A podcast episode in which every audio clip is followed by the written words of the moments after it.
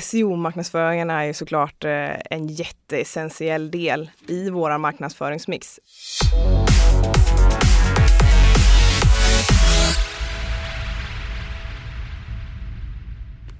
Från att tidigare ha varit ett hundraprocentig postorderföretag till att satsa helhjärtat på digitala kanaler och framförallt SEO.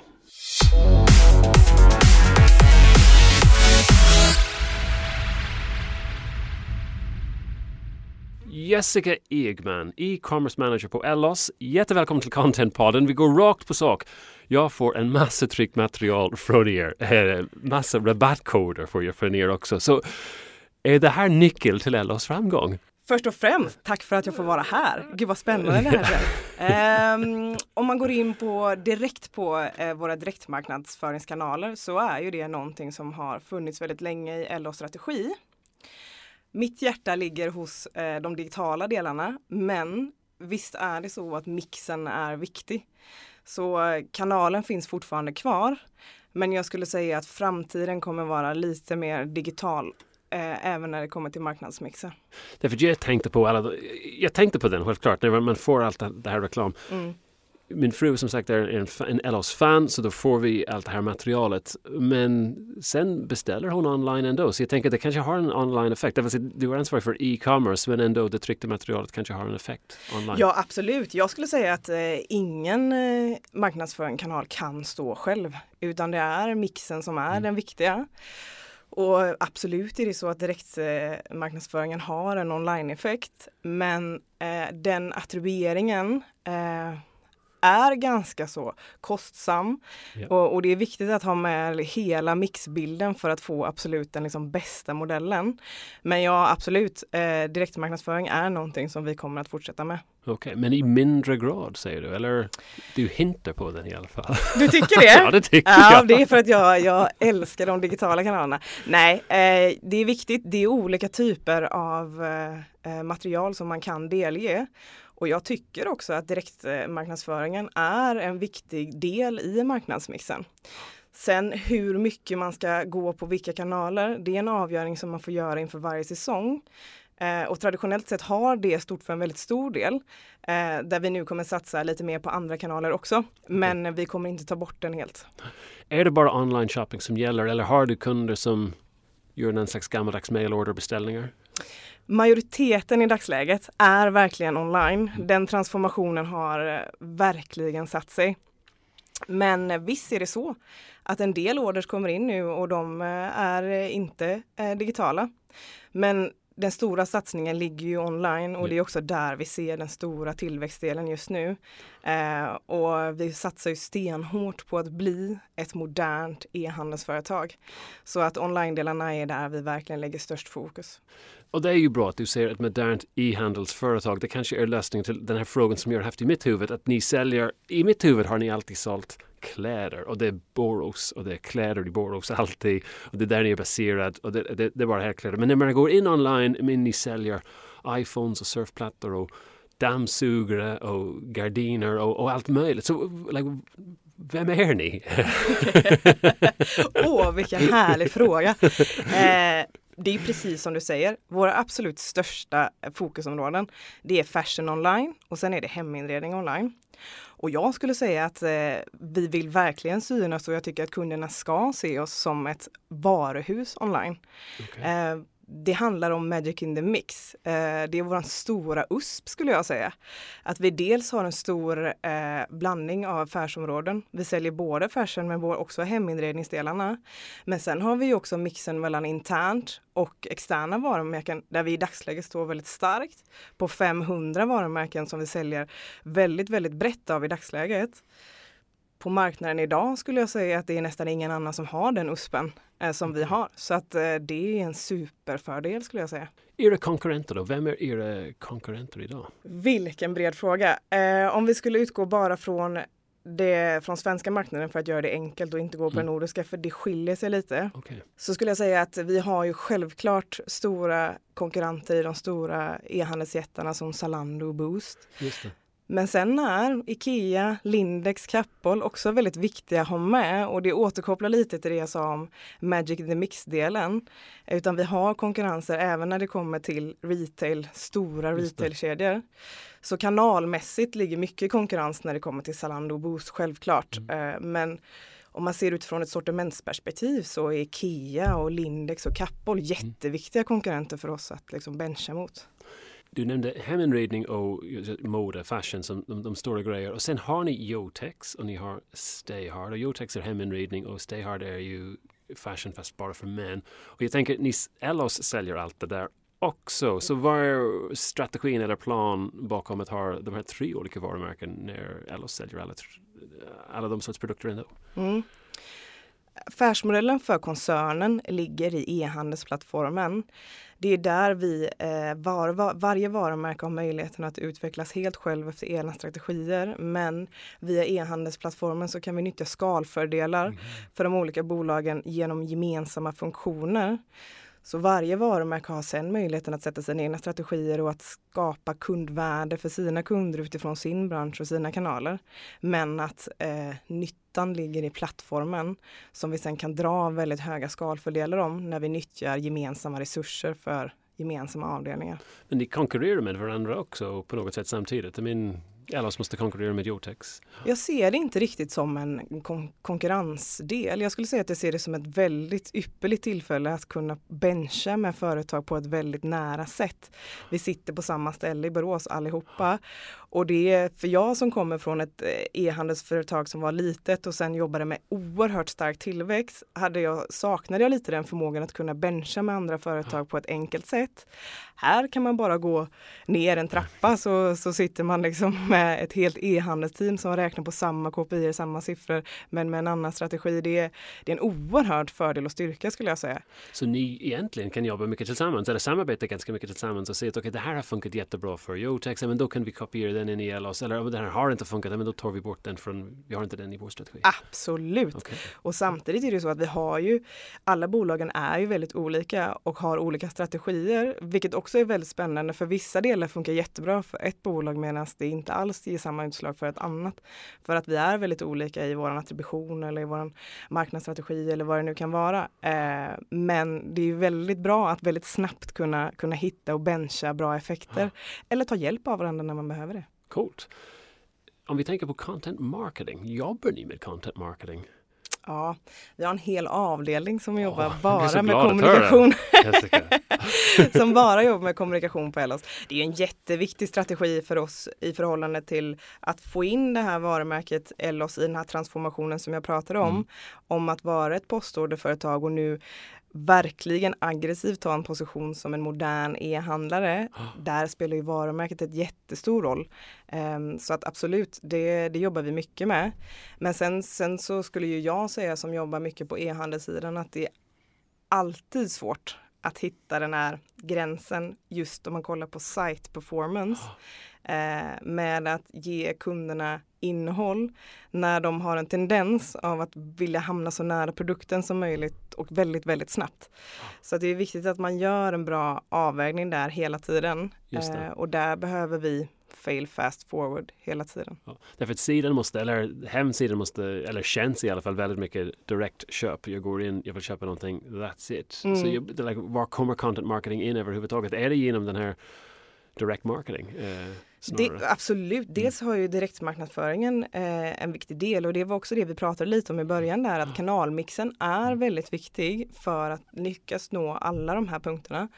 Men jag skulle säga att eh, väldigt mycket vikt vid just innehållsdelarna lägger vi i våra kampanjer. Eh, mycket inspirationsmoment mm. där vi verkligen jobbar med att försöka sätta produkter i en inspirerande miljö.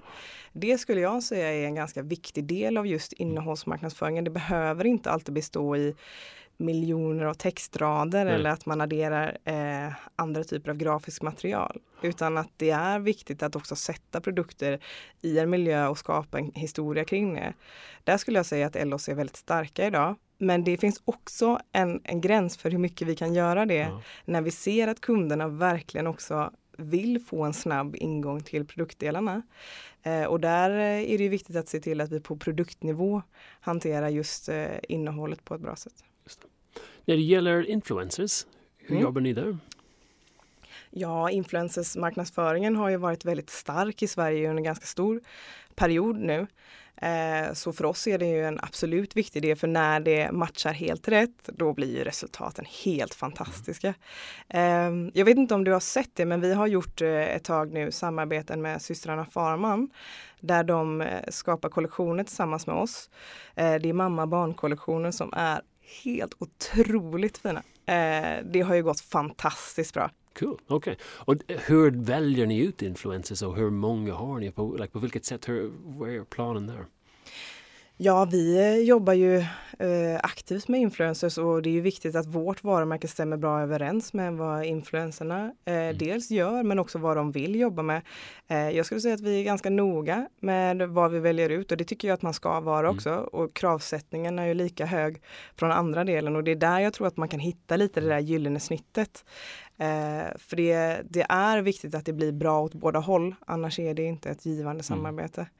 Men eh, för att täcka upp den bredden som vi har som varuhus så är influencers en viktig del. De är nära eh, väg till eh, vår kundgrupp och kan visa produkterna på ett annat sätt Just än vad vi kan som e-handlare. Så det är super, superbra. Också en annan kanal att få ut innehåll på ett annat sätt som är relevant för målgruppen när ni inte kan använda er hemsida. Exakt, precis så. Och det är, det är jätteviktigt.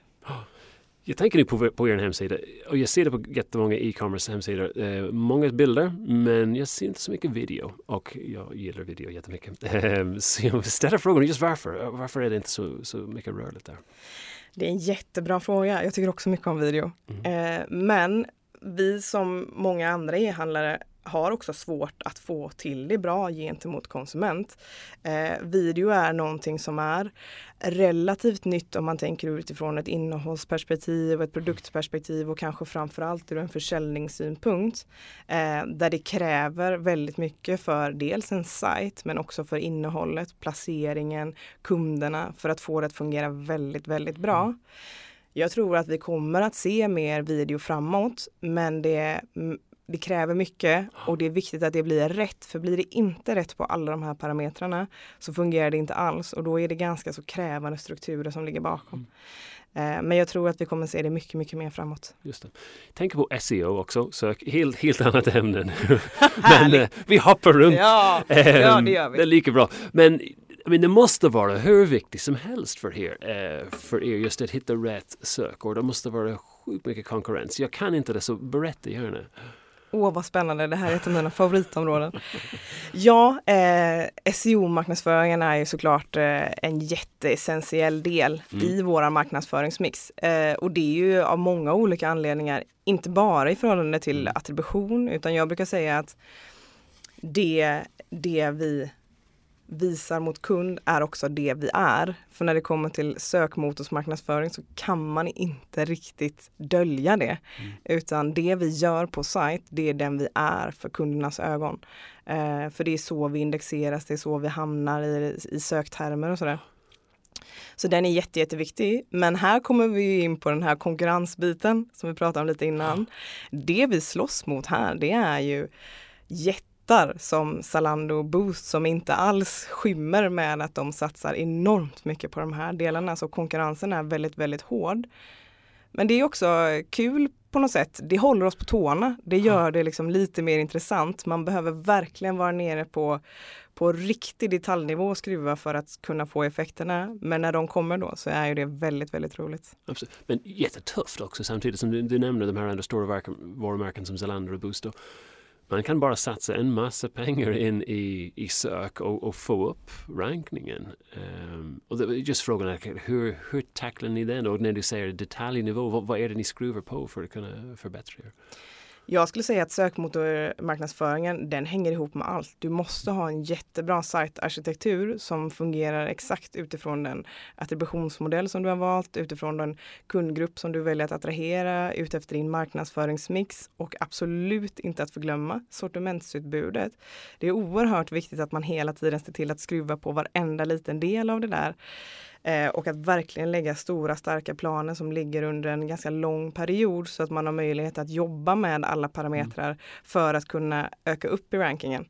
För även om det är så att man har stora volymer att investera så innebär inte det att det, rankingeffekten kommer direkt utan du måste verkligen mm. vara på precis nivå för att lyckas på de områdena där konkurrensen är absolut störst. Och vi satsar ju naturligtvis på de områden i sortimentet där vi har en, en bredd och ett djup.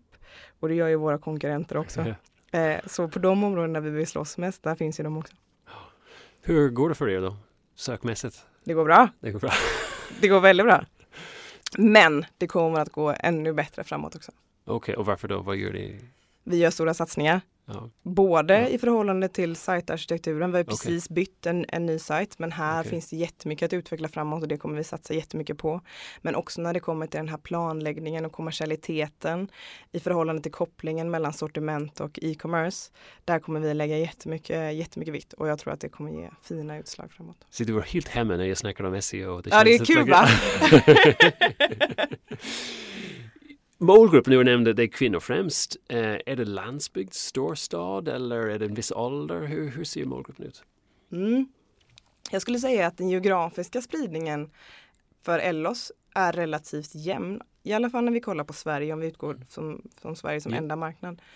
Så eh, har vi nog ganska jämn spridning mellan storstäder och landsbygd. Eh, vilket jag tror eh, skiljer sig ganska mycket mot andra e-handlare mm. som nog oftast är störst i storstadsregionerna. Eh, men där vi har fördelen att det faktiskt också finns väldigt mycket jämnt över Sverige. Sen är kvinna vår främsta inriktning och målgrupp där vi är mellan 30 och 50 ungefär. I det spannet så är våran kärna. Och i Norden då, därför du nämnde det är lite annorlunda, annorlunda på de andra nordiska länderna. Mm e-handelsmönstret ser lite annorlunda ut per skandinavisk marknad. Eller lite annorlunda, jag skulle säga att det skiljer ganska mycket mellan de olika marknaderna. Eh, och det gör ju konkurrensen också. Man har ett annat beteende. Kunderna har en annan eh, de är olika känsliga för digital information. Okay. Eh, man har andra krav på en kassaupplevelse, fakturabetalningar, kortbetalningar allt sånt är, är ganska så olika mellan marknaderna. Okay. Jag skulle säga att Sverige och Finland är de marknaderna som, som presterar mest jämnt om man kollar på demografin och, eh, och utväxlingen. Eh, Medan eh, Danmark har ett litet annat mönster. Där är vi starkare i vissa regioner än andra. Eh, okay. Och samma sak i Norge. Men även här kan det bero på väldigt många olika delar. Norge är ju eh, ett superutvecklat e-handelsland men har en annan typ av logistikutmaning än vad vi ser yeah, till exempel okay. i Sverige. Om vi tänker tre år framåt eh, och du pratar om, det är så många utvecklingar som händer, så hur ser Ellos ut då? Om tre år? Ja. Hur har ni utvecklats? Då är vi eh, den ledande eh, e-handeln i Norden när det kommer till mode och heminredning. Men det är inte det idag? Vi är på god väg. Ja. kommer det att se ut? Hur kommer konsumenter att konsumera? Blir det, like, tror du att vi kommer att se stora skillnader nu de, de kommande åren? Jag tror att utvecklingen kommer gå snabbt, det gör den ju redan nu. Eh, för vår del skulle jag säga att för oss handlar det om att eh, växa in ännu mer i den här transformationen mot det här snabbrörliga e-handelsföretaget. Både när det kommer till organisation men även i de tjänsterna som vi erbjuder kund. Jag tror att väldigt mycket utveckling de närmsta tre åren kommer att ligga på logistiknivån. Okay. Eh, vilket är oerhört viktigt för oss e-handlare där tror jag att vi kommer se de största förändringarna. När det kommer till kanal och attribution av kunder så sker det ju ständigt ganska många uppdateringar. Men just när det kommer till logistiken så tror jag att det kommer ske väldigt, väldigt stora och ganska omvälvande förändringar. Och det är snabbare leveranser och den sorts grejer menar du eller? Jag tror att det är både i förhållande till snabbare leveranser, men om jag skulle gissa så tror jag också att det kommer vara andra typer av tjänster som kommer funka på ett naturligt sätt för kund. Hemleveranser till exempel är en sån del som jag tror kommer utvecklas jätte, jättemycket mm. och där jag nästan tror att kunderna om tre år kommer ta det för givet att man får produkter levererade hem och kanske till och med inburna i sin lägenhet. Yes, okej. Okay.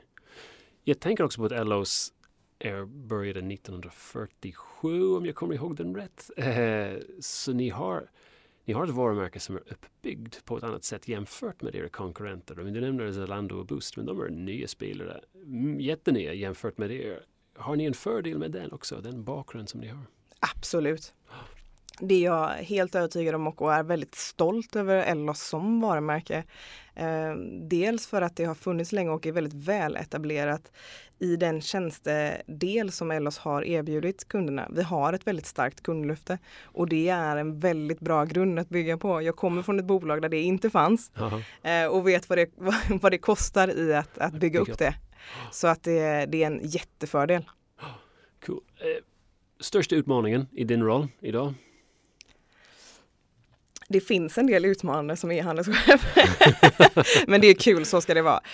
Jag skulle säga att få ihop helheten är eh, utmanande för alla e-handelsansvariga.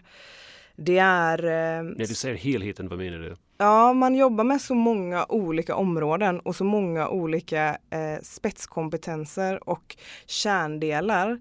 Eh, och att få ihop allting till en helhet måste man få, annars så kommer vi inte hitta det här gyllene snittet mellan kund och produkt. Mm. Så det innebär att man behöver få, få ihop hela kedjan och dessutom hålla den intakt. För är det mm. någonting som bryts så spretar vi direkt mot konsument och det går liksom inte att dölja. Vi har inte heller den lyxen av att vi kan vänta en dag med att reparera det utan det behöver ske instant hela tiden. Och den helheten, den behöver vi jobba med konstant för att vi, vi lever i en förändlig värld, vilket innebär att Google snurrar på sina algoritmer hela tiden. Facebook släpper nya grejer, nya kanaler adderas, vårt sortiment utökas, våra kunder ändrar uppfattningar, ställer andra krav. Där behöver vi konstant se till att vi kan leverera på alla de här delarna utan att göra några större misstag. Och den, den helheten är utmanande att hålla ihop. Jag pratade aldrig om sociala medier, men på vilket sätt använder ni sociala medier eh, idag? Sociala medier är en jätteviktig kanal för oss. Vår kundgrupp också där vi, där vi befinner oss är stora användare av sociala medier. Så det är en jätteviktig del för oss att kunna nå ut med just content och innehåll yeah. på ett annat sätt. Där har vi den här möjligheten som vi pratade om innan, att sätta produkter i ett annat perspektiv eh, och jobba med konsumenterna mm. på ett annat sätt än i rena köptillfällen. Men ser ni en direct conversion från den sorts innehåll från sociala mediekanaler över till hemsidan? Absolut, men det gäller ju att se till att vi håller en mix där för alla mm. delar vi lägger ut på sociala medier ska ju inte heller vara försäljningsdrivande. Så att det mm. gäller verkligen att se till att vi mm. har rätt skruva på dem yes. på rätt ställen. Har du någon marknadsföringsfullträff som du har varit med om? Någonting som gick superbra ja. i din karriär? När jag eh, rullade ut en stor satsning mot eh, SEM och SEO-delarna eh, när jag jobbade på mitt tidigare bolag Jollroom så var det ju fyrverkerier varje dag. Det är ju fantastiskt när det, liksom, när det sitter så i början. Det var ju oerhört lönsamt och väldigt, väldigt snabbt drivande tillväxtmässigt. Men det är kul sådär i början. Sen väntar andra utmaningar. Ja. Men det var ju oerhört kul ja. att få vara med och se sådana direkteffekter. Och så fiasko, någon fiasko, någonting där ingenting gick så bra. Ja, misstag gör jag varje dag höll jag på att säga. Men mm. något stort eh, fiasko det har jag nog kanske blivit beskonad från. Men jag har några Jag har några riktigt misslyckade tv-reklamer och radioreklamer ja, bak, ba, i bakluckan. Eh, när jag eh, precis började som marknadschef på Jollerum så eh, hade vi några tv och radioreklamer som gick eh, fruktansvärt dåligt eh, och kostade jättemycket pengar. Vi hade inga pengar då heller. Så eh, efter min tredje vecka där, då var jag tvungen att förhandla om alla helårsavtal. Wow.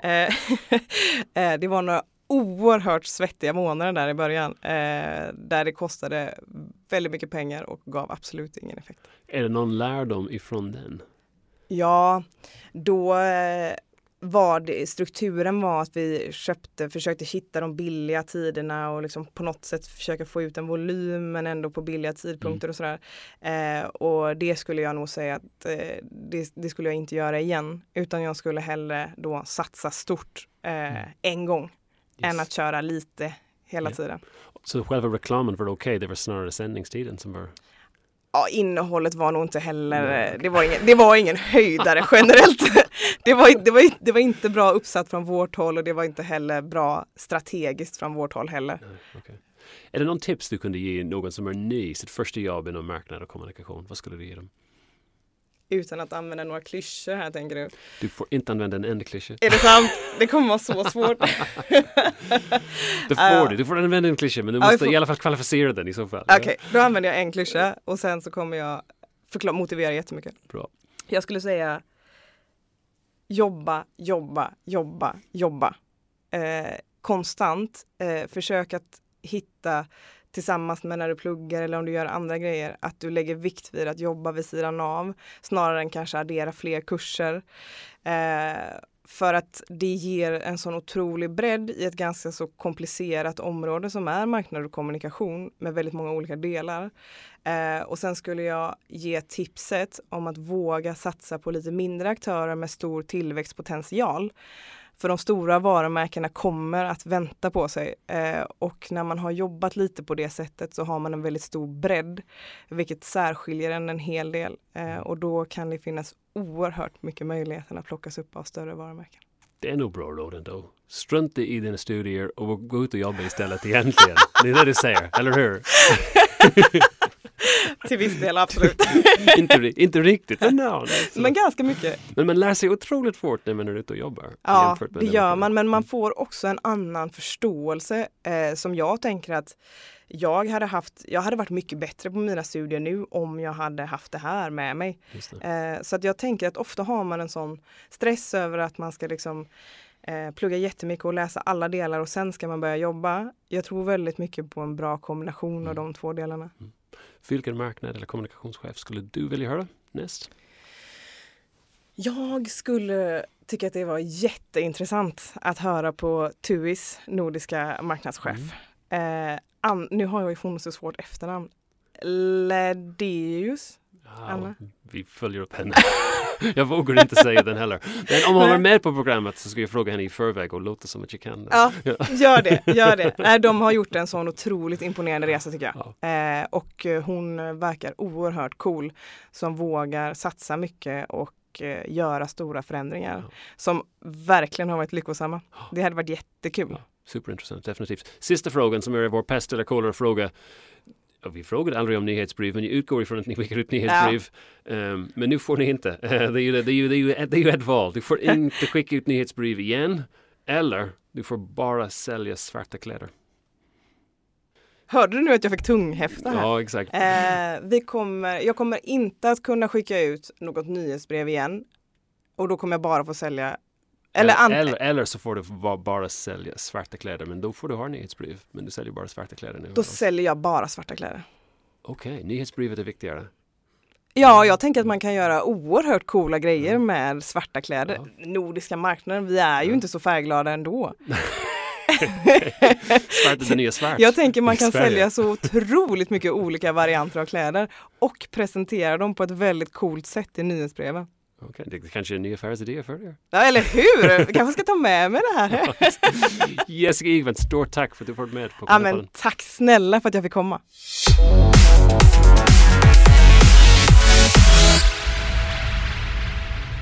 Contentpodden kommer från contentbyrån Breed. Mitt namn är Colin O'Callaghan och du hittar oss på LinkedIn, Twitter och breedcontent.se. Gå gärna in till iTunes och rata oss där också. Vi lyssnar gärna på er feedback.